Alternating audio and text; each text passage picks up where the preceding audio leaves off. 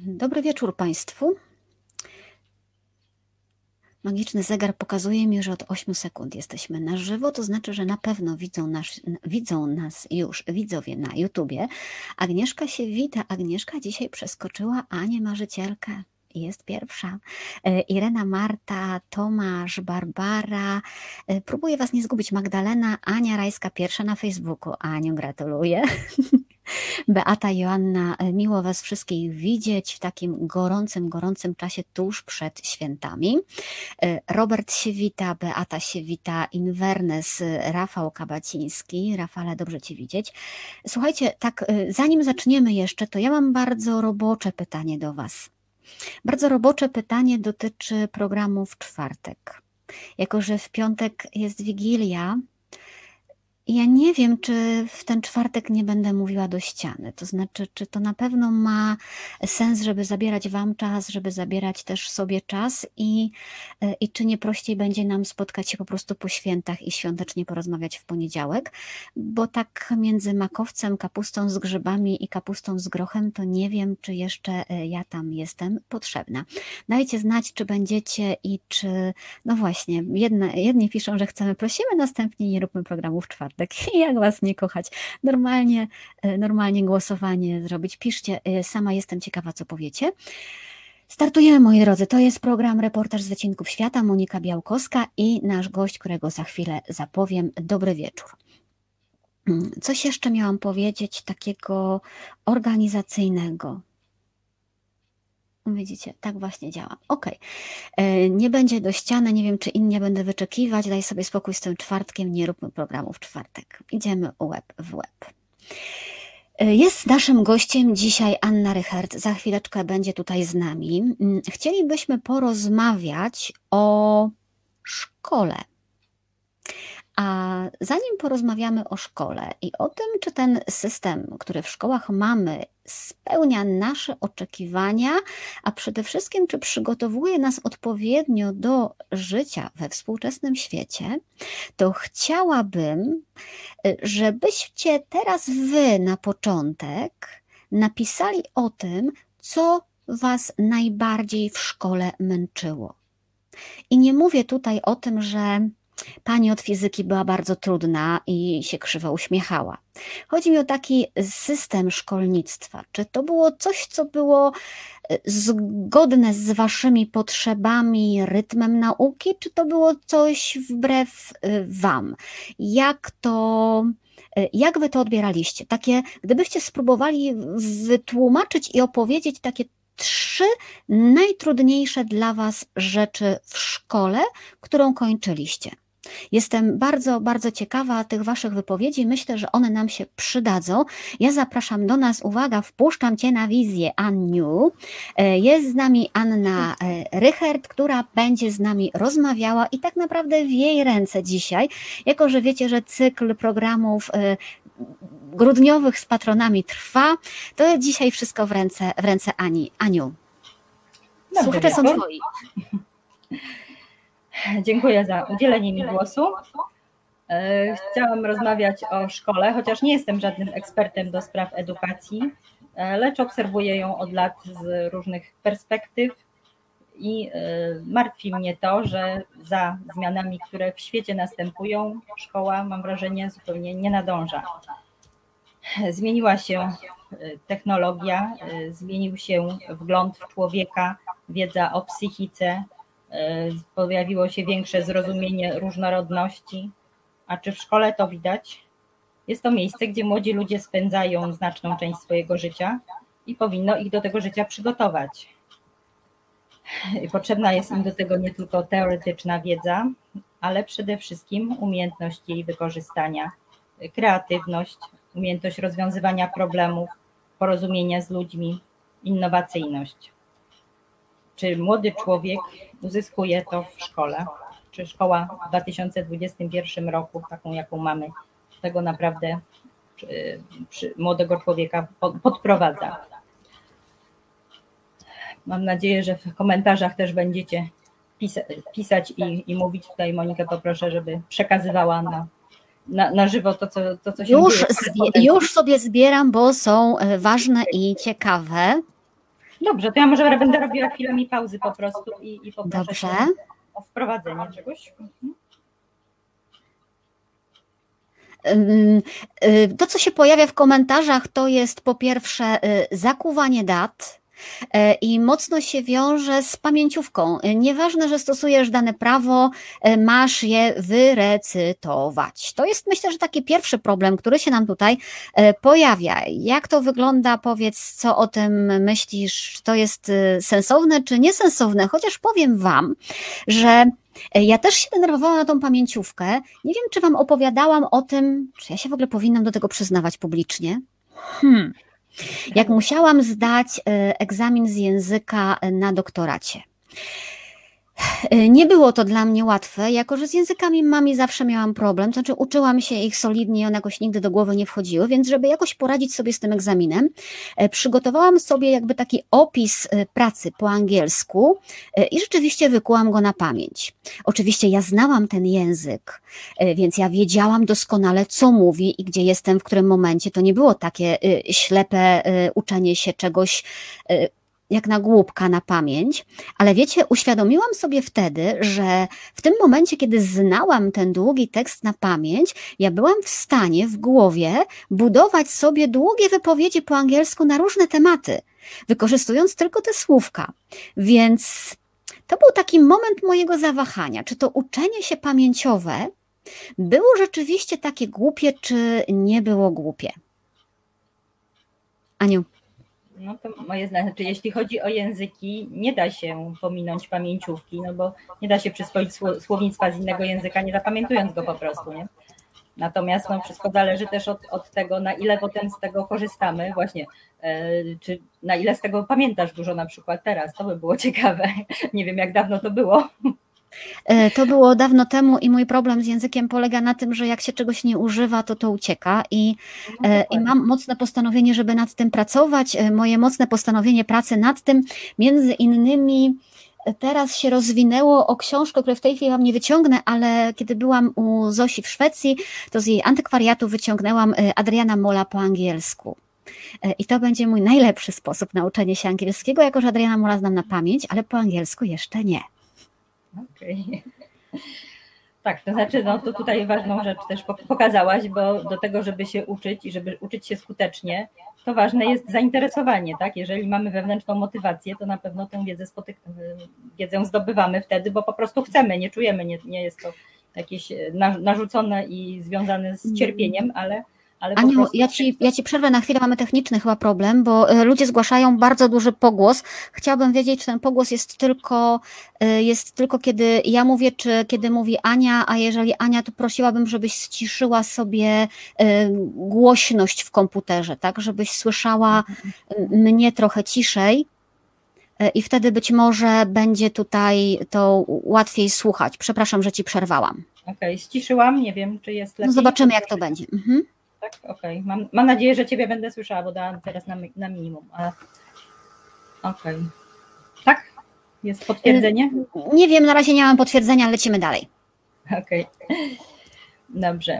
E, No to jeśli, jeśli chodzi o właśnie to, że, że do wiedzy wracamy, że coś nie jest odłożone na półkę, tylko, tylko faktycznie z tym pracujemy, e, to, e, to podkreśla neurodydaktyka. To jest nauka, która uczy o tym, bada przede wszystkim funkcjonowanie mózgu, tego jak mózg funkcjonuje w czasie uczenia się, co sprzyja tej nauce, a co, a co y, sprawia, że, że nauka jest nie- nieskuteczna. No i właśnie jednym z istotnych elementów no to jest po prostu zainteresowanie, które sprawia, że, że wtedy dużo, dużo lepiej za- zapamiętujemy pewne informacje, kiedy je analizujemy, kiedy, kiedy nas wciągają po prostu emocjonalnie. No a potem ważne jest do tego, żeby do tych informacji wracać, bo, bo rzeczy odłożone no później po prostu giną nam z pamięci. Tak, jest, jest ta pamięć długotrwała, która, w której zachowujemy stosunkowo niewielki procent y, informacji. E, podsunęłaś mi tutaj przed programem takie cytaty i one są bardzo interesujące. Rozumiem, że mają nas też e, trochę poprowadzić przez, e, przez ten program. Posłuchajcie tego. Sama jestem ciekawa, co o tym myślicie. Oczywiście cały czas zbieram Wasze doświadczenia ze szkół. Można do 10 doniczek wsadzić po jednym nasionku tej samej rośliny. Doniczki można ustawić w taki sposób, żeby miały tyle samo światła. Możemy je tak samo podlewać i nawozić czy zaczną w tym samym czasie wypuszczać pędy? Czy w tym samym czasie pojawią się pierwsze listki? A czy kwiat, który zakwitnie ostatni, będzie najgorszy? A co z dziećmi? Jedne zaczynają chodzić mając 10 miesięcy, inne mając 15. Dlaczego więc z dziećmi jest coś nie tak? Czy może my przyjęliśmy błędne założenia? Oto jest pytanie. Czy jest sens zmuszać rośliny, które wymagają innego klimatu, do rozwoju w klimacie, który ewidentnie wielu z nich nie służy. E, czy jeden klimat może być dobry dla wszystkich gatunków roślin? Stworzyliśmy w szkołach bardzo specyficzne środowisko edukacyjne, nie ma w nim miejsca na dziecięcą ciekawość, kreatywność czy autonomię, które są potrzebą rozwojową wszystkich ludzi, również małych. Środowisko oparte na ciągłej presji, rywalizacji, porównywaniu się z innymi. Część dzieci się w tym odnajduje i może się rozwijać, ale jest duża grupa, w których ten rozwój zostaje zatrzymany. Co wtedy? Wmawiamy im, że coś jest nie tak, wysyłamy ich do poradni. E, czy to jest w porządku? Ja bym tutaj e, zapytała o ten pruski system edukacji, bo on jednak gdzieś się zaczął i mimo, że minęło już lat e, set. 200. Tak, 200 to, to on nadal jest aktualny i nikt, mam wrażenie, nawet nie szuka innego rozwiązania. No może nie aż tak, że nie szuka, znaczy może scharakteryzuje pokrótce ten, ten pruski model, który y, powstał właśnie przed 200 laty w monarchii absolutnej Fryderyka Wilhelma III. Myślę, że ten absolutyzm też jest tu istotny. I ówczesnym zadaniem szkoły było wykształcenie sprawnych urzędników, którzy przestrzegaliby prawa i byli posłuszni przełożonym.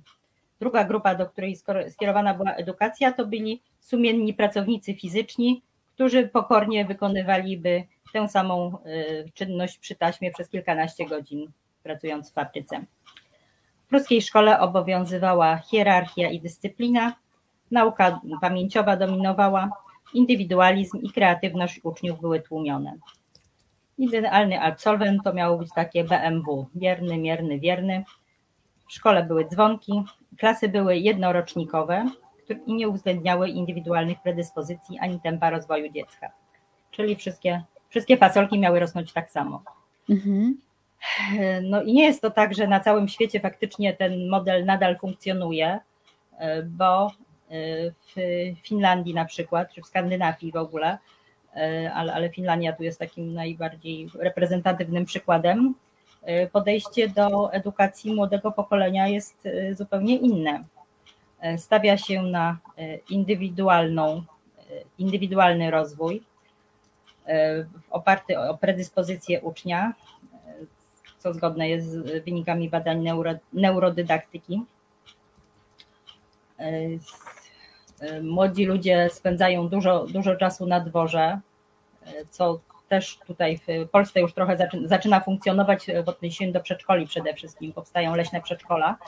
Przed dwoma tygodniami w Tygodniku Powszechnym y, ukazał się artykuł Krzysztofa Story Dzieci mają wychodne, który właśnie opisywał to no, dość nowe u nas zjawisko, ale właśnie bardzo pozytywne, które stawia na to, że dziecko jak będzie chłonąć świat wszystkimi zmysłami, zresztą każdy człowiek też odbierając świat na, na różnych płaszczyznach, a nie tylko werbalny przekaz plus obrazki w książce, e, będzie, będzie osobą, która się dużo, dużo lepiej rozwinie, dużo bardziej zaangażuje w to, czego się uczy, ta wiedza będzie trwalsza. E, jeśli chodzi o Finlandię i to podejście indywidualne do, do nauki, e, uczniowie wspiera się talenty uczniów. W szkole nie ma ocen. Do 16 roku życia nie, nie zdają oni żadnych egzaminów E, panuje zasada równości, czemu brak ocen też zapewne sprzyja, no bo nie można o kimś powiedzieć, że jest dobrym albo miernym uczniem, no bo nie, nie, nie ma te, tego sposobu patrzenia na, na człowieka. Uczniowie uczą się pracy w zespole, wybierają te przedmioty, których chcą się uczyć. Zasady, którymi kierują się chińscy nauczyciele, to otwartość, elastyczność i niezależność. A efekty tej pracy widać w międzynarodowych testach PISA. Są to testy skierowane do młodzieży w wieku bodajże 16 lat. Badają poziom kompetencji i wiedzy młodzieży z całego świata, a Finowie zajmują tam czołowe miejsca. E, zresztą podobne podejście zaczęto w innych rejonach świata również e, prezentować. Na przykład w Singapurze Ministerstwo Edukacji zniosło część egzaminów końcowych i śródrocznych, e, wzmocniło holistyczną edukację, kładąc nacisk na sen, aktywność fizyczną na dworze i zdrowe posiłki, koncentrując się na ćwiczeniu umiejętności miękkich, krytycznego myślenia, samodzielnym tworzeniu zadań i quizów w miejsce klasycznego oceniania. Więc są miejsca i to nawet całe, całe, całe kraje, całe rejony, gdzie, gdzie faktycznie stawia się na, na inne wartości niż, niż, niż to dominuje cały czas w polskiej szkole.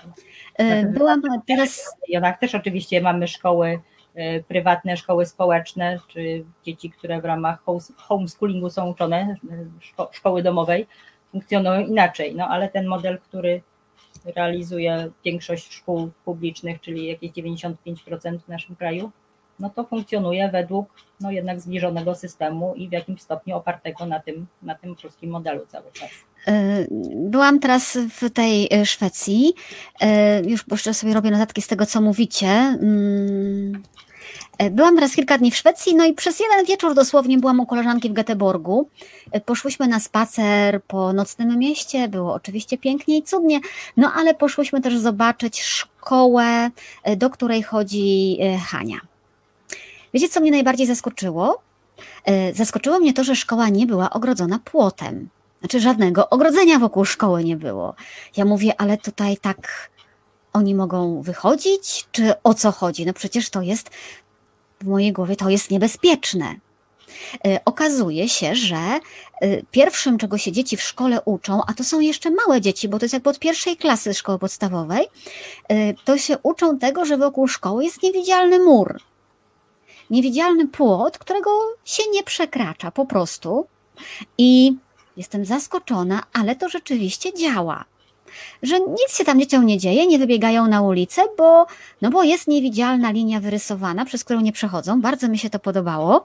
E, zaskoczyło mnie też to, że kiedy pytałam Hanie, tam zaprowadziła mnie do takiego baraczku, gdzie oni mają lekcje, zajrzałyśmy przez okno tam, e, tam był też od razu wypisany plan lekcji, e, wytłumaczyły mi, które znaczki oznaczają jakie zajęcia. No i okazało się, że już małe dzieci na poziomie dziewięciolatków mają w szkole lekcje do wyboru. To znaczy, y, dzieci decydują w szkole, który przedmiot czy którą część chcą mieć pogłębioną, że z tego zajęcia chcą z panią właśnie mieć, a nie z czegoś innego. Y, I to było dla mnie takie, y, takie ciekawe doświadczenie, bo jakby zupełnie inaczej to wygląda w naszych szkołach. Tutaj zauważacie w komentarzach coś, co jest dla mnie bardzo inspirujące i ważne.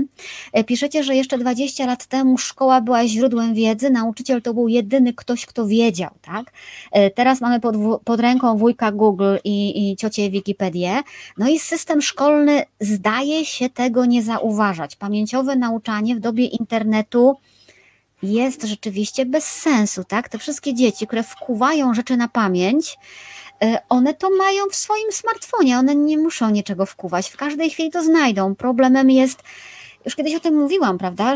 Segregowanie wiedzy, sprawdzanie wiarygodności informacji, a przede wszystkim wykorzystanie tych informacji.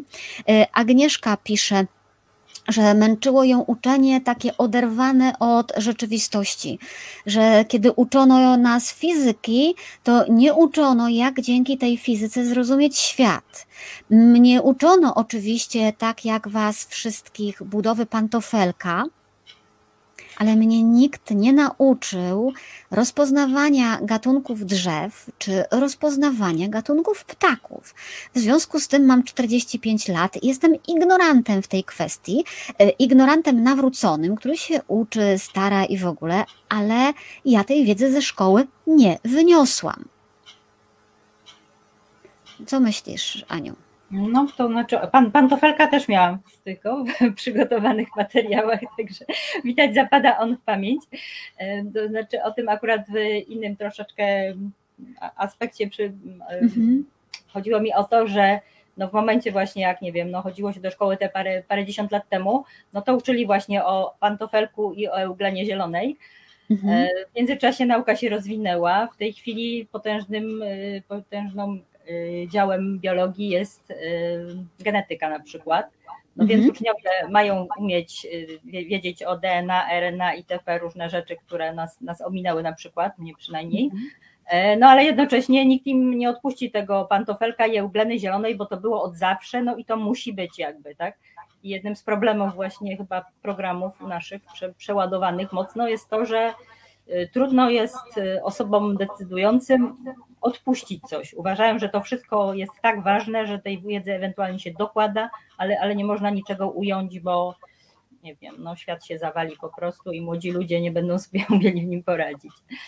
Natomiast no, to, żeby wykorzystać y, tę wiedzę, no to, to na pewno dobrze by było, żeby żeby w którymś momencie, znaczy też jeden z wątków, który tutaj właśnie chciałam poruszyć, to ten, że e, często, często czy czasami uczniowie zadają pytanie, po co mi to, co ja z tego, jak, jak ja mogę to wykorzystać, tak? do, czego, do czego to w ogóle jest. No i wtedy na ogół uczeń dostaje jakąś taką zbywającą odpowiedź. Nie wiem, no pewnie są sytuacje, kiedy faktycznie można uzasadnić, tak? Nie wiem, powiedzmy naukę języka obcego. No można pokazać, no bo fajnie, jak wejdzie nowy serial, nie będzie polskich napisów, to sobie go obejrzysz po prostu, tak? I to działa faktycznie i są młodzi ludzie, którzy dzięki temu na przykład podszkalają całkiem nieźle angielski. Mhm. E, natomiast e, jeśli chodzi właśnie o te nieszczęsne pantofelki, no to, to trudno powiedzieć, czemu, czemu to służy, nie? Więc to jest, to mm. jest jedna rzecz. E, dużym, dużym problemem szkoły jest to, znaczy problemem uczniów chodzących do szkoły, jest to, że e, jak idą do szkoły, no to właśnie na jednej lekcji się uczą o euglenie zielonej, na następnej mają e, tam czas przeszły w angielskim, na kolejnej mają panowanie Kazimierza Wielkiego, potem muszą się z tego zorientować, jak to jest wyliczać, nie wiem, objętość brył, w geometrii. Na następnej jest e, no nie wiem czego tam jeszcze mi zabrakło, jakieś tam, nie wiem, wzory, wzory z chemii, tak, i reakcje za, zapamiętywać. No i nie są w stanie w nic się tam dobrze nawet y, zaangażować, bo właściwie, nie wiem, no pada nowy temat, tak, zaliczenie, wyjście, E, I nawet jeżeli kogoś coś zainteresuje, no to po tych siedmiu, ośmiu godzinach, tak, po zreformowaniu szkoły, uczniowie od klas siódmych właściwie rzadko nawet po sześciu lekcjach wychodzą ze szkoły. Często to jest siedem albo osiem. No więc ilość sama godzin spędzona w szkole, tak? Potem ilość prac domowych, no bo większość nauczycieli coś zadaje, no bo trzeba poćwiczyć. W związku z tym w praktyce uczeń od 8 do 15 jest w szkole, po przyjściu do domu E, drugoklasiści zdarza się, że dwie godziny odrabiają prace domowe. E, tutaj... Szkoły, szkoły podstawowej. E, tutaj Młodzież pojawił się taki. Ma tych lekcji na 5-6 godzin. Więc praktycznie doba im się kurczy do, do spania i do, i do nauki. Wtedy tutaj nie są w stanie nawet jakby przeanalizować i przetrawić tego, co, co, co w ramach szkoły się, się pojawiło. E, tu ktoś komentował już na samym początku, że e, do 14 w szkole, potem od 14 do 20 się siedziało i odrabiało pracę domową. E, to mnie nauczyło pracoholizmu w życiu. Paweł Lęcki, polonista na Facebooku pisał, proszę pana, to jest czyste szaleństwo, mówi mój uczeń na sobotnim kursie do matury. Zadań domowych mam tyle, że machnąłem już ręką i tak nie zrobię. E, gdyby ktoś tak autentycznie zbadał sytuację polskiej edukacji, to uznałby, że to jest niemożliwe. Młodzi ludzie, owszem, uczą się od 8 do 16, ale potem jeszcze mają korepetycje, e, maturzyści, uczniowie ostatniej klasy szkoły podstawowej zasuwają tak naprawdę jak menadżerowie korporacji mm, niższego szczebla, no bo trzeba się jakoś do tych egzaminów przygotować, bo egzaminy decydują o wszystkim. E, darmowa szkoła nie daje tutaj rady, trzeba skorzystać z pomocy płatnej płatnej. No i to pisze Paweł Lęcki, e, cytując też e, kogoś, że co mają zrobić ci uczniowie trzecich klas po szkole podstawowej, gdyby nauczycieli, dobra, to już tam są polityczne kwestie, myślę, że w to nie będziemy wchodzili. Wiadomo jest, że jakby ten system na tym poziomie jest, jest jakby nie, niewydajny, tak? To znaczy, ktoś pakuje jak najwięcej, jak najwięcej wymagań, y, odcinając tak naprawdę tych młodych ludzi od y, normalnego życia, że Oczekuje się od uczniów y, czasami rzeczy absurdalnych. Zwiększa się poziom trudności, ale mam wrażenie też jakby jakość daje się im odjechaną od rzeczywistości, pomijając już, co też Paweł Lęcki zauważa, że i też zauważacie to w komentarzach. Agnieszka właśnie wrzuciła komentarz y, o tym, że dla dzieci, które słuchają y, Tomasza Rożka, to kartkówka z budowy komórki jest po prostu nudna. To nie są przygody, to nie są wyzwania na miarę XXI e, wieku, tak? E, nie chcę czytać całego tego wpisu, to ty go masz e, tam u siebie też, więc, więc powiedz, jak to wygląda? Czy rzeczywiście taka mądra edukacja znika? Czy ta edukacja się rzeczywiście rozjeżdża? czy z tych dzieciaków chowanych w taki sposób będą w ogóle mądrzy obywatele XXI wieku? Czy oni w ogóle mogą z tego powstać? Czas pokaże. E, natomiast no, w najgorszej chyba sytuacji są właśnie ci, których e, ta reforma e, zmieniająca system trzech szkół na, na dwie zatrzymała dłużej, dłużej w podstawówce. Zaserwowano im dużo trudniejszy egzamin, do którego no, teoretycznie mieli się w dwa lata przygotować, ale nawet drukarnie nie nadążały z wydrukowaniem książek na, na początek roku częstokroć, więc to wszystko było, nauczyciele na bieżąco się właściwie dowiadywali, czego, czego tych uczniów mają, mają uczyć. E, w tej chwili e, ten rocznik, który jako najstarszy został w podstawówce dłużej, jest na półtora, już nawet niepełne półtora roku przed maturą, e, co do której właściwie nie wiadomo, jak ona będzie wyglądała Jedyne materiały, które się pojawiły, to są jakieś takie obszerne informatory. Z nich wynika, że tego polskiego mogą mieć, nie wiem, 40-50 zadań do wykonania podczas egzaminu na przykład.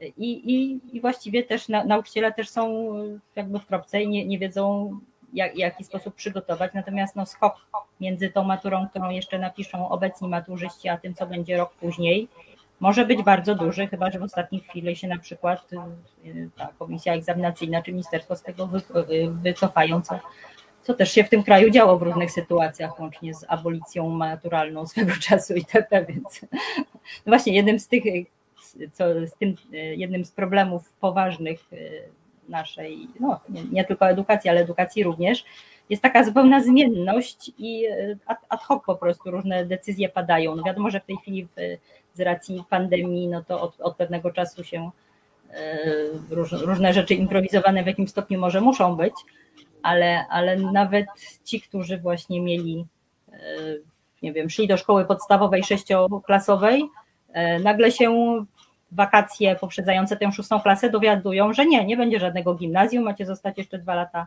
w szkole, w szkole podstawowej, potem musicie wybrać sobie szkołę średnią, to było bez, bez przygotowania takiego, nie wiem, psychicznego nawet dla, dla młodych ludzi, dla ich rodziców, dla nauczycieli również.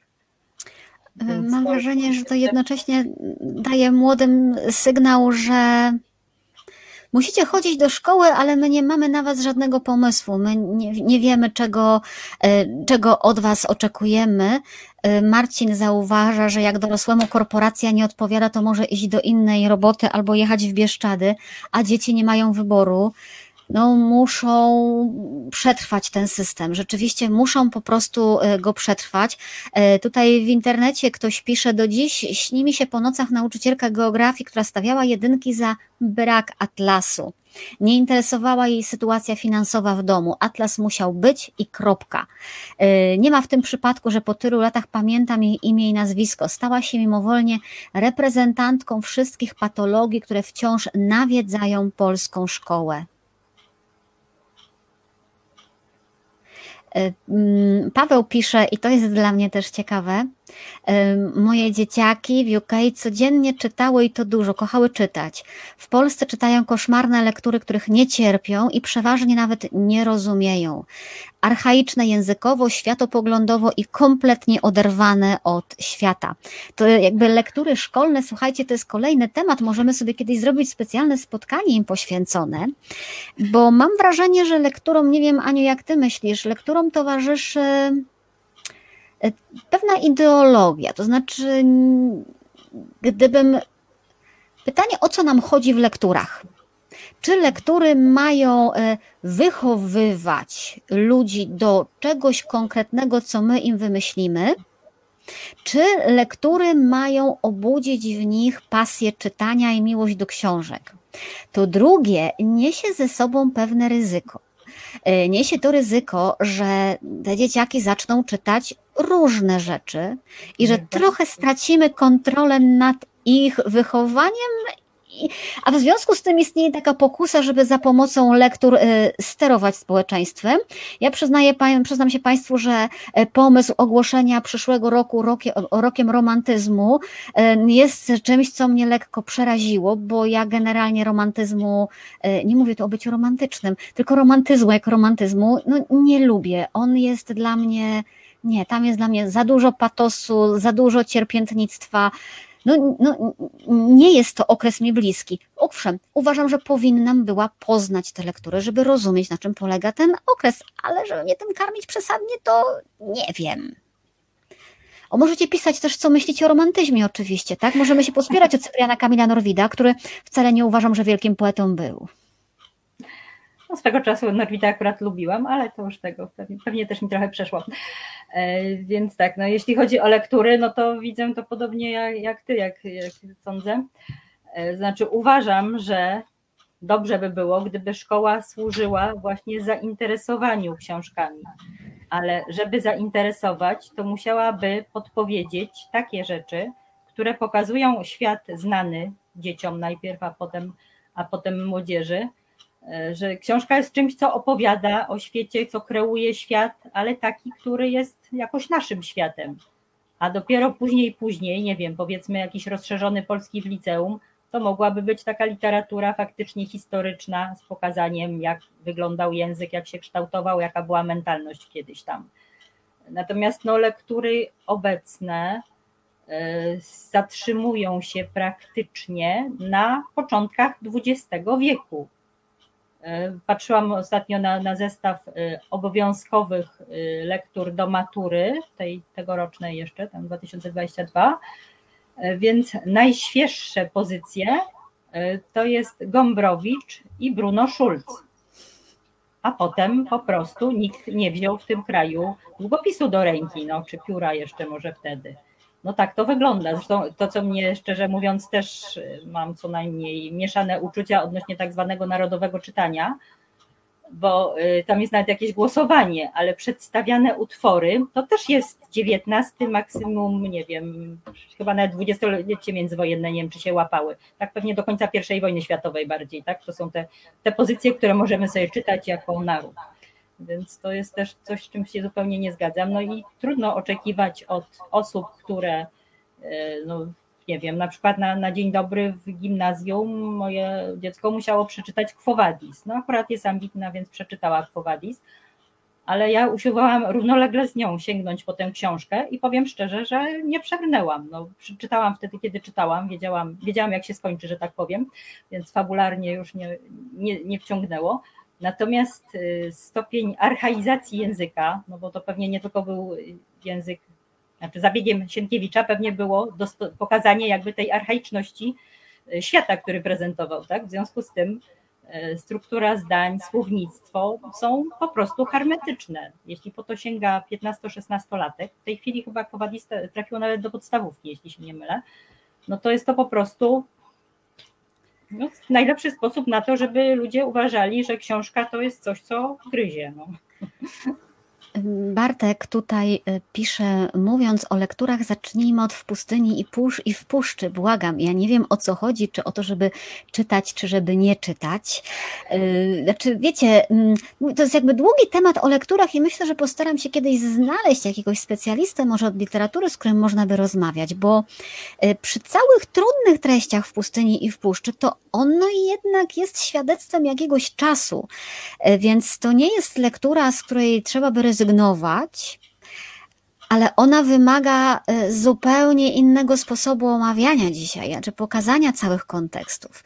Jeśli chodzi o lektury, trzeba też pamiętać, że dzieciaki mają po pierwsze różne zainteresowania, po drugie, ja nie wiem, czy Wam opowiadałam o tym, jak w pierwszej klasie, jak się nauczyliśmy czytać, na początku drugiej klasy szkoły podstawowej zaprowadzili nas do biblioteki i kazali książki wybrać do czytania, żeby tak nauczyć dzieci oswoić z biblioteką.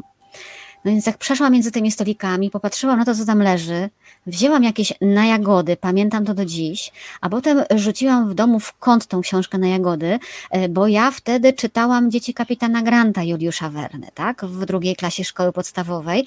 E, po prostu mnie to zafascynowało, więc jakby grubość książki i to, że były małe literki, e, niespecjalnie mnie tutaj odstraszała. Z lektur szkolnych, które pamiętam, tak pozytywnie, znaczy negatywnie to już Wam mówiłam, tak? Że to był e, pan Wołodyjowski i Never, e, przy całym szacunku dla trylogii, to nie jest literatura dla mnie. Poznałam, wiem co mówię.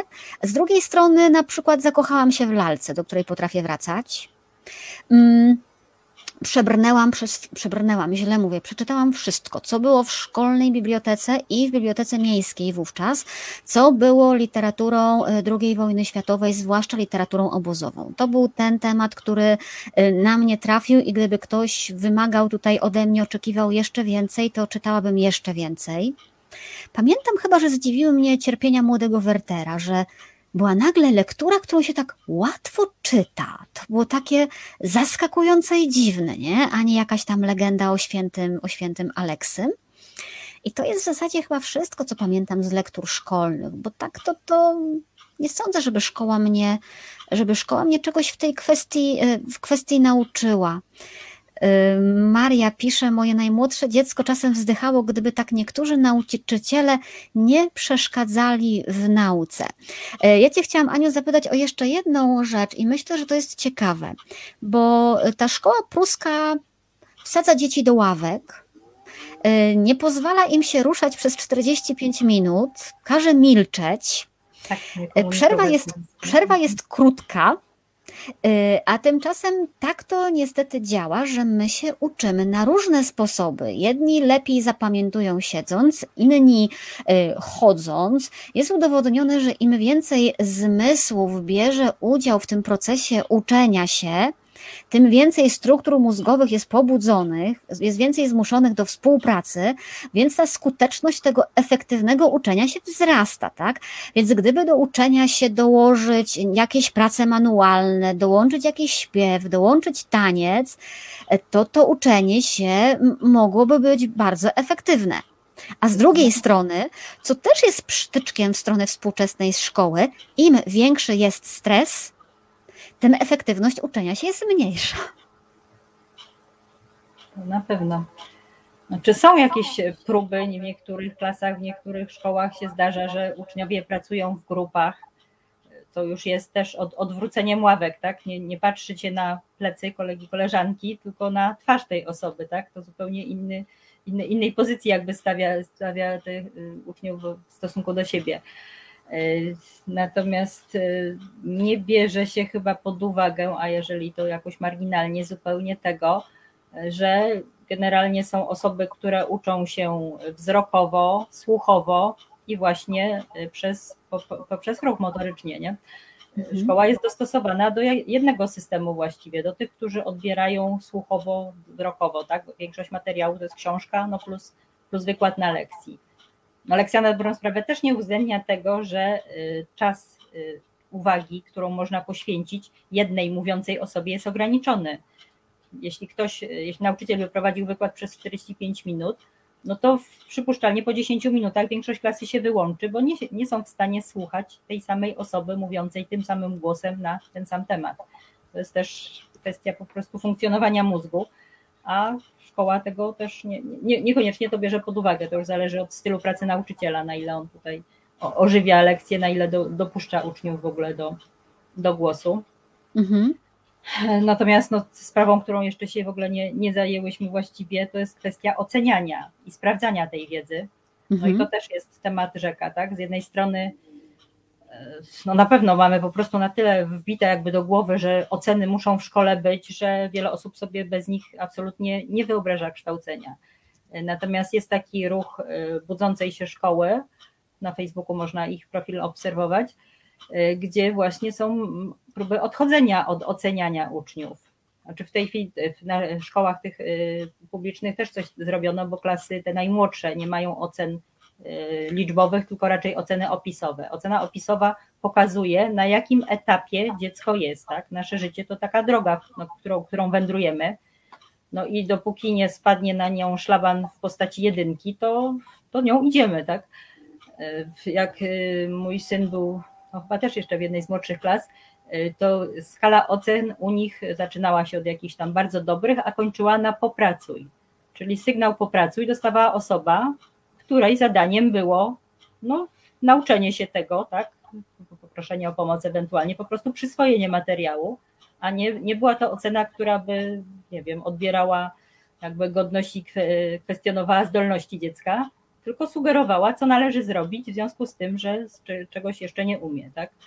Więc też y, byłaby to zupełnie inne, inne podejście jakby w myśleniu też sugerowało, nawet y, tak jak słyszałam rozmowy dzieci, tak, to one też nie patrzyły na kogoś jako na tego, u, ten to się nigdy nic nie nauczy, nic nie umie, tylko tego, co musi popracować. No a sprawdzanie wiedzy w naszych szkołach jeszcze w tej chwili na, na dużą skalę i na największą w sumie skalę to są testy.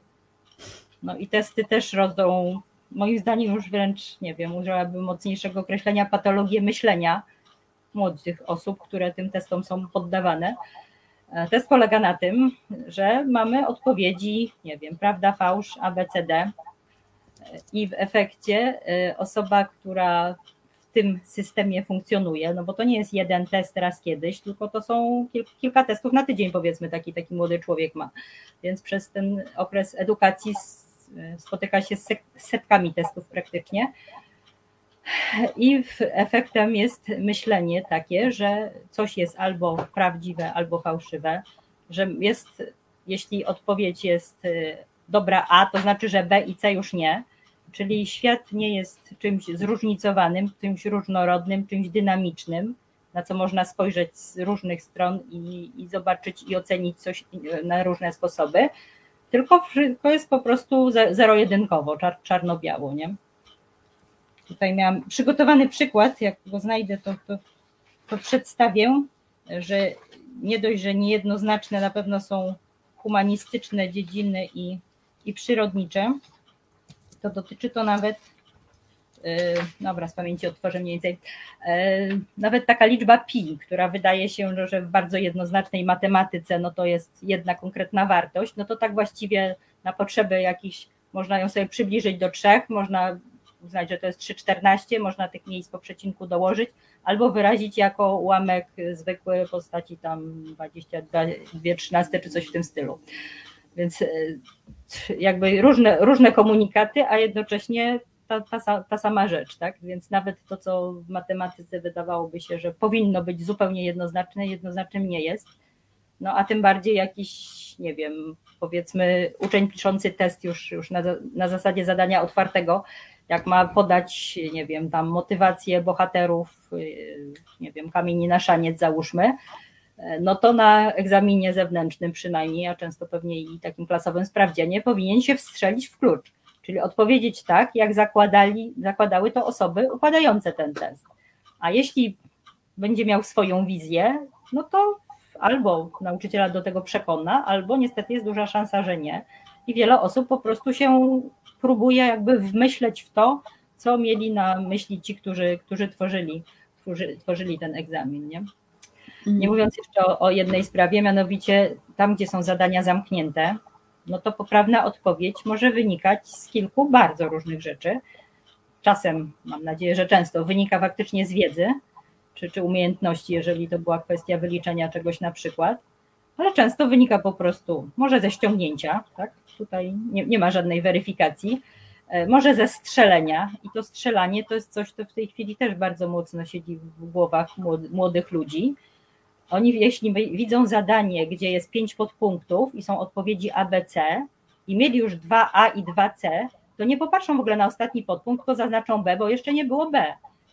No i do czego to w życiu przygotowuje, bo moim zdaniem no, na, na pewno nie, nie pozwala na bycie, nie wiem, no wręcz uczyć cwaniactwa w jakiś sposób, tak? No bo to zaznaczenie dobrej odpowiedzi jest jakby w ocenie zewnętrznej tym samym, co zdobycie wiedzy, która pozwala tę odpowiedź wybrać, nie? Jest raczej uczeniem dzieci hazardu, proszę Państwa, a nie, a nie wiedzy. A może, może. Zaznaczmy, zaznaczmy tutaj bardzo wyraźnie jedną rzecz, y, bo chyba to nie wybrzmiało tutaj dosyć mocno, że to, o czym mówimy, to absolutnie nie są uwagi do nauczycieli. To są y, uwagi do całego systemu szkolnictwa, bo cała masa świetnych nauczycieli też się dokładnie z tymi samymi problemami zmaga. Nie wiem, czy pamiętacie, krążą po internecie różne takie obrazki, że y, zła pani od matematyki poprawiła dziecku odpowiedź, powiedziała, że ona jest zła, bo było pytanie, ile on teraz ma y, jabłuszek, a on napisał, że zostało mu tyle jabłuszek. Wiecie, ja sobie wyobrażam taki dylemat moralny nauczyciela, bo on z jednej strony wie przecież, że to dziecko odpowiedziało dobrze, ale z drugiej strony wie, że to dziecko będzie musiało zdać egzamin i będzie się musiało wpisać w klucz. E, ja spotkałam też anglistkę, która mówi, wiesz, ja bym chciała, żeby te dzieciaki mówiły. E, niech one mówią jakkolwiek, niech one mówią z błędami, ale niech mówią. Pal licho te wszystkie rodzajniki angielskie czy niemieckie. Wszyscy go zrozumieją bez tego, ale ale on nie zda egzaminu. Więc ja muszę tego wymagać i muszę się na tym skupiać. Więc e, myślę, że w tym wszystkim ten e, dramat nauczycieli, e, czy przynajmniej pewne rozterki, no też musimy chyba zauważyć, prawda? Mm, czytam, co tu jeszcze, co tu się jeszcze zdarzyło. Myślę, że ważne, ważne pytanie, które Czekajcie, bo po kolei, bo pytanie na koniec to jest pytanie, dlaczego to się nie zmienia, a nie może ty wymyślisz tu odpowiedź jakąś, e, ale e, ważne uwagi, które wyszukuję najpierw z waszych komentarzy, to jest zwrócenie uwagi na to, że e, dzieci rano nie funkcjonują. Powiem wam, że gdyby ktoś mnie pytał o największy koszmar szkolny i największą trudność w szkole, to ja bym powiedziała właśnie to, że ja musiałam być w szkole na godzinę ósmą i musiałam o godzinie ósmej myśleć. Nie sprawdzałam, szczerze mówiąc, przed tym programem badań, ale jakoś kojarzę, że pełną efektywność w takim nastoletnim wieku, nie dziecięcym, to się osiąga bodajże około godziny 10.30, 11 dopiero. I że o tej porze powinny się dopiero zaczynać lekcje. Ale z drugiej strony ktoś powie, ale jak to w takim razie zorganizować, bo no to wtedy w szkole będziemy siedzieli do godziny 18. E, Szymon proponuje też, że może historii literatury należałoby uczyć w porządku innym niż chronologiczny. Ja bym zapytała, a może w ogóle historii też powinno się uczyć w porządku innym niż chronologiczny. Wiecie, ja historii w szkole nie byłam fanką tego przedmiotu. Przerażało mnie to, że trzeba było znać daty. E, historia zainteresowała mnie, wiecie kiedy? E, kiedy zaczęłam w takim tam pewnym momencie życia, y, gromadzić wiedzę genealogiczną na temat swojej rodziny. I w tym momencie, kiedy ja musiałam dotknąć czegoś bardzo bliskiego, historii mojej rodziny, historii mojego miasta, I chciałam wiedzieć, jak żyli moi dziadkowie, a potem jak moi pradziadkowie, a potem jak wyglądało to miasto i okolica w czasie, kiedy tam żył ten mój pierwszy prapradziadek, a jak wyglądało to powstanie, bo ja już wiedziałam, kto tam był, w którym domu mieszkał, to nagle się okazało, że te daty i historia same wchodzą do głowy. I mam wrażenie, że uczenie historii w takich y, kręgach bliskości byłoby dosyć ciekawym sposobem na jej uczenie. Wcale nie od starożytnego Egiptu i starożytnego Rzymu, który tak naprawdę dla dzieciaków dzisiaj jest abstrakcyjny, ale od tego, co robił twój dziadek i jak wyglądała historia twojego miasta, że to byłby, myślę, fajny, y, fajny sposób. Już podrzucam Wasze komentarze, bo one są tutaj y, bardzo ciekawe. Y, Aniu, głos dla Ciebie, bo ja tu się rozgadałam. Dobra, to znaczy w nawiązaniu do tej właśnie historii, historii własnej historii bliskiej, to z tego mhm. co pamiętam, to faktycznie coś takiego jest, bo historia, przynajmniej w czasach, kiedy, kiedy moje dzieci były w podstawówce, zaczynała się w czwartej klasie i ta czwarta klasa to faktycznie było robienie drzewa genealogicznego, to było zbieranie takiej, takiej lo, lokalnej historii. Ale potem chyba już od klasy piątej właśnie lądowało się w tej Mezopotamii i, i starożytnym Egipcie i, i potem już jakby no, zrywała się ta, ta, ta ciągłość, czyli ten pomysł był, ale no jakby nie, nie pociągnięty może do końca, nie? E, w kwestii romantyzmu to jeszcze tutaj zarzut mój, że tak powiem, byłby taki, że ta cała egzaltacja romantyczna to się wiąże jeszcze z jedną poważną sprawą, a mianowicie część bohaterów romantycznych, no moim zdaniem po prostu niedojrzałością, tak psychologicznie patrząc na sprawę, się charakteryzowała, no bo kończyli swoje życie samobójstwem, tak? Jak czytają to nawet z przekonaniem młodzi ludzie, nie wiem, czy to jest to, to, co chcemy im pokazywać. Jeżeli faktycznie już literatura ma wychowywać, bo coś takiego sugerowałaś i, i faktycznie ten, ten kanon lektur zdaje się to sugerować i te tematy, które przy okazji to, tam są podrzucane, tak, że jak kamienie na szaniec, to koniecznie wszystko o patriotyzmie i bohaterstwie musi być. Ludzkie uczucia tam giną, mimo że faktycznie w tej książce są nawet, ale, ale to nie, nie to jest eksponowane tak? No to, to, to, to wedle tego klucza ci, ci romantyczni bohaterowie, co tam, nie wiem, skaczą w przepaście, czy, czy różne inne rzeczy robią, to już nie, nie, nie za bardzo się wpisują w ten, Agata, tą wizję świata, którą prezentowała. Agata pisze, Agata pisze lektury szkolne sposób na integrację pokoleń. Mamy z dziećmi podobny stosunek do chłopców z placu broni. Nie mogę nie zapytać, jaki jest ten stosunek? Czy wy jesteście za, czy przeciwko? Ja do szkoły mam jedną pretensję taką lekturową, to znaczy, że nikt mi wcześniej nie podsunął, a to przecież były lata 80. i 90. Dlaczego nikt mi nie powiedział, że kariera Nikodema Dyzmy jest po prostu genialną książką i film, nawet z moim ukochanym Wilhelmiem, się po prostu nie umywa do książki. Proszę Państwa, jeżeli chcecie zrozumieć, o co chodzi i dlaczego ten Nikodem Dyzma był takim, taką straszną postacią, to nie oglądajcie filmu, przeczytajcie książkę. Y, Wilhelmi miał w sobie taką naturalną elegancję, że on nawet jak grał Nikodema Dyzmę, nawet jak grał y, Stanisława Anioła, to on to on miał w sobie taki jakiś y, sznyt dawnego eleganta, a w karierze Nikodema Dyzmy tego nie ma. I tak jak w filmie można jeszcze mu lekko kibicować, y, to dopiero w książce jest dokładnie widać, dlaczego, dlaczego nie. Marcin pisze, że system szkolny wypycha ze szkoły dobrych nauczycieli.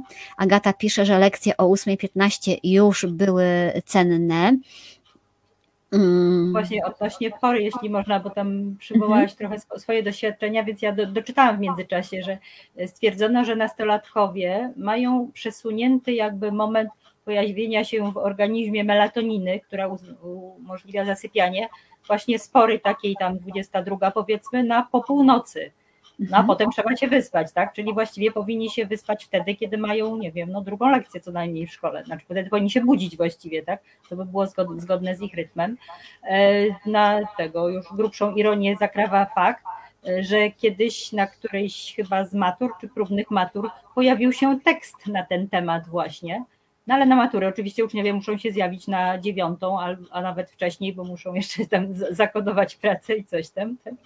Po czym się dowiadują, że właściwie powinni mieć prawo do, do spania do dziesiątej. Także tak, tak Aneta pisze, y, funkcjonuje. Badania sobie, a życie sobie. Aneta pisze, że brak chronologii tylko miesza młodym ludziom w głowach i ten eksperyment już był i niestety nie zadziałał. Napiszcie o tym więcej, bo to jest ciekawe. Patrzcie, to ja tak wiecie, z perspektywy starego człowieka sobie wymyślam, że może to byłby jakiś sposób. Okazuje się, yy, okazuje się, że yy, nie y, dystans. Aha, Agata mówi, że, że jeśli chodzi... z broni to jakoś bez, y, bez zachwytu. Powiedz mi, y, bo mamy już 22.08 i to znaczy, że mimo tego, że tu w komentarzach się y, dzieje bardzo dużo, Bartłomiej Wilhelmiak, Wilhelmia, ale pokora kożuch genialne, prawda? I tutaj żadna druga kariera nikodemadyzmy z, z Cezarem Pazurą w ogóle się nie umywa do tego pierwowzoru. Powiedz mi, dlaczego, skoro wszyscy widzimy, że to nie działa, ten system edukacji. Y, dlaczego to się nie zmienia?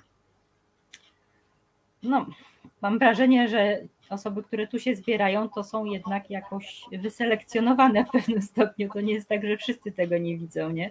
Mhm. Znaczy, obawiam się, że spora grupa uważa, no właśnie na tej zasadzie, że jak nie można z tego pantofelka zrezygnować i eugleny zielonej, to po prostu tak było i czyli, czyli było dobrze i tak ma być, nie? Nie wiem w sumie no, na, na, jakim etapie ministerialnym chyba dopiero tak naprawdę mogą się dokonać jakieś zmiany systemowe. No na pewno osoby, które usiłują coś z tym zrobić, starają się swoje dzieci po prostu z tego głównego nurtu edukacji zabrać i umieścić w jakiejś prywatnej szkole, społecznej szkole, stworzyć taką szkołę, y, uczyć w domu, Właśnie, może to jest trochę tak, jak nie wiem, wcześniej tam z emigracją nam wyszło tak, że osoby najbardziej aktywne to po prostu wyjeżdżają i, nie wpływają na rzeczywistość tutaj. Może, może też jest trochę tak, że ci, którzy widzą z jednej strony słabości tego, tego systemu, a z drugiej no, nie, nie widzą jakby możliwości w swoim zakresie, żeby coś zmienić, no to wolą się wycofać. Mm, wiecie, ja tak teraz próbuję szybko zobaczyć Euglenę Zieloną i Pantofelka. I tak sobie porównuję tych państwa. Tak sobie próbuję porównać, wiecie, i tak na pierwszy rzut oka to one się różnią tym, że Euglena ma wąsa. E, ja przepraszam, jeżeli tutaj jest jakiś biolog na sali i właśnie czuje się obrażony, ale nie wiem, dlaczego przykładano do tego tak, e, tak wielką wagę. E, myślę, że tutaj jest ważne też, żebyśmy wspomnieli o edukacji domowej, po prostu, bo jakby to jest droga, którą wielu rodziców y, próbuje uciekać. Wczoraj spotkałam się z Marcinem Perfuńskim, który prowadzi blog Supertata i myślę sobie, że z Marcinem można by porozmawiać w zasadzie o edukacji domowej i to byłoby ciekawe. Ja tutaj przepraszam, że publicznie mówię, a z Marcinem jeszcze nie rozmawiałam, ale sam proponował, że możemy kiedyś spróbować zrobić razem program i trochę pociągnąć ten ten temat edukacji y, dalej i, y, i szerzej. Y, Edyta pisze, że z, moj, że z synem, który jest w siódmej klasie, przeszliśmy na edukację domową. On by tego nie przetrwał, znaczy szkoły by nie przetrwał. Przepraszam, czytam komentarze tak na, tak na szybko. Jeśli można, to ja bym miała pytanie do pani Edyty. Tak? mhm. tak? Bo to pani Edyta pisała tak? ten komentarz, jak chciałam. E, czy y, zamiana właśnie edukacji na, znaczy ile, ile czasu pozwoliła zaoszczędzić y, właśnie uczenie się w domu w stosunku do tego, co było związane ze szkołą. Nie chodzi mi oczywiście o lekcje, pobyt w samej szkole, również odrabianie lekcji. Jeśli by pani Edyta mogła na to pytanie odpowiedzieć, to sama jestem ciekawa, na ile się to mhm. udało zrobić. Przeczytałam, że materiał szkolny jednego dnia dałoby się w półtorej godziny mniej więcej zmieścić. Mhm. To, co jest, y, wymaga 7-8 godzin siedzenia w szkole od, od młodych ludzi. Nie? Tutaj już jest głos, że tak, zaprosić Marcina. Oczywiście mm, postaram się i obiecuję Wam to. Mm, tak sobie też y, myślę, że zaskoczyło mnie, bo rozmawialiśmy chwileczkę z Marcinem, nie? bo ja miałam 20 minut do pociągu, więc te 20 minut, 20 minut rozmawialiśmy. On mówił, że jego y, córka właśnie dzisiaj miała mieć egzamin z historii, więc zdziwiłam się, myśląc starym rytmem mojej szkoły, mówię, grudzień, egzamin z całego roku z historii. E, I okazało się, no coś, co dla tych, którzy prowadzą edukację domową, zapewne jest normalne, a dla mnie nie było, bo takiej edukacji nie znam i nigdy w niej nie byłam, że łatwiej jest uczyć dzieci blokami, tak? Czyli e, robimy sobie dwa miesiące historii, zdajesz egzamin i lecimy dalej, zajmujemy się zupełnie innymi sprawami. Nie musimy e, to, o czym ty mówiłaś na początku, że mamy lekcje biologii, lekcje geografii, lekcje chemii, lekcje polskiego. Każda trwa 45 minut, zajmuje się małym wycinkiem, a potem e, a potem już co innego jest najważniejsze, a do tego mamy, e, a do tego mamy oczywiście nauczycieli, którzy, każdy z nich uważa, że jego przedmiot jest najważniejszy i że bez niego absolutnie sobie w życiu nie poradzimy. Tutaj Paweł już żartował, że oczywiście sinusy, kosinusy oblicza codziennie. Jedna z pań też tutaj pisała, że wzór na obwód koła przydał jej się w życiu raz, E, to znaczy kiedy szyła, szyła piórnik dla e, swoich dzieci. No, ale wiecie, to jest ważne, żeby wiedzieć, że w ogóle coś takiego jak wzór na obwód koła jest i że w dzisiejszych czasach potrafimy go znaleźć i potrafimy go wykorzystać do takiej praktycznej rzeczy, jaką jest uszycie chociażby piórniczka, tak? E, tutaj też bym chciała dopowiedzieć, bo miałam też taki przykład przygotowany, że o ile faktycznie obwód to jeszcze do czegoś możemy wykonać, wykorzystać, o tyle e, młodzi ludzie muszą się uczyć e, zależności między wartościami kąta wpisanego w okrąg i to już naprawdę nie wiem, do czego ma służyć, bo jeżeli już ktoś naprawdę do czegoś chciałby wykorzystać, no to może sobie go zmierzyć, tak? Mnóstwo energii idzie w wyliczanie rzeczy na geometrii, na matematyce, no, które bez tego wyliczania można, można do nich dojść zupełnie inną i dużo prostszą i dużo szybszą drogą, a, a energię poświęcić na przykład na zadania z ćwiczenie zrozumienia emocji, zrozumienia siebie, komunikacji z drugą osobą, czego w szkole no niemal nie ma. Nie wiem, może teoretycznie godziny wychowawcze temu służą, ale w praktyce pewnie na godzinach wychowawczych omawia się jakieś takie sprawy organizacyjne a nie ma chyba do tej pory żadnego przedmiotu, który by pomagał młodemu człowiekowi zrozumieć samego siebie, zrozumieć siebie, zrozumieć innego człowieka, porozumieć się z tym człowiekiem. Pani Edyta odpowiada na Twoje pytanie. Jesteśmy w edukacji domowej od 13 grudnia. 28 e, grudnia zdajemy egzamin z biologii. E, rano syn wstaje o 9, idzie na basen, uczy się około 3 godzin dziennie, ale na razie raczkujemy. E, Aneta pisze, że przy nauce blokami nie widać procesu przyczynowo-skutkowego, nie widzimy historii ludzkiego, ludzkiej jako pewien ciąg. Nie wiem. Wcale nie jestem tego pewna. W historii blokami to znaczy, że najpierw robimy historię, a potem robimy biologię. No, dla mnie wydaje się to sensowniejsze, ale myślę, że do tematów edukacyjnych y, jeszcze wrócimy. Słuchajcie, jest 22.15. Y, jestem y, bardzo wdzięczna Ani, że była z nami. Myślę, że Ania jeszcze wejdzie w komentarze, też spróbuję z Wami porozmawiać. Wrócimy, ja postaram się z Marcinem porozmawiać, żeby jeszcze nam opowiedział o edukacji domowej, o jej blaskach cieniach, wtedy też będziecie mogli, będziecie mogli rozmawiać. E, Włodzimierz pisze, że e, jego znajomi e, dzieci zaczęli kształcić domowo, teraz się włączyły w system powszechny, mają ogromny problem z socjalizacją, z dostosowaniem się do wyzwań, innymi słowy, cytuję, są dzikie i mało odporne. No właśnie dlatego mówię o blaskach i cieniach edukacji domowej, bo myślę, że o nich też będzie można rozmawiać. 22.16 zdecydowanie kończymy, proszę Państwa, dosyć tego dobrego dobrego. E, Aniu, bardzo Ci dziękuję.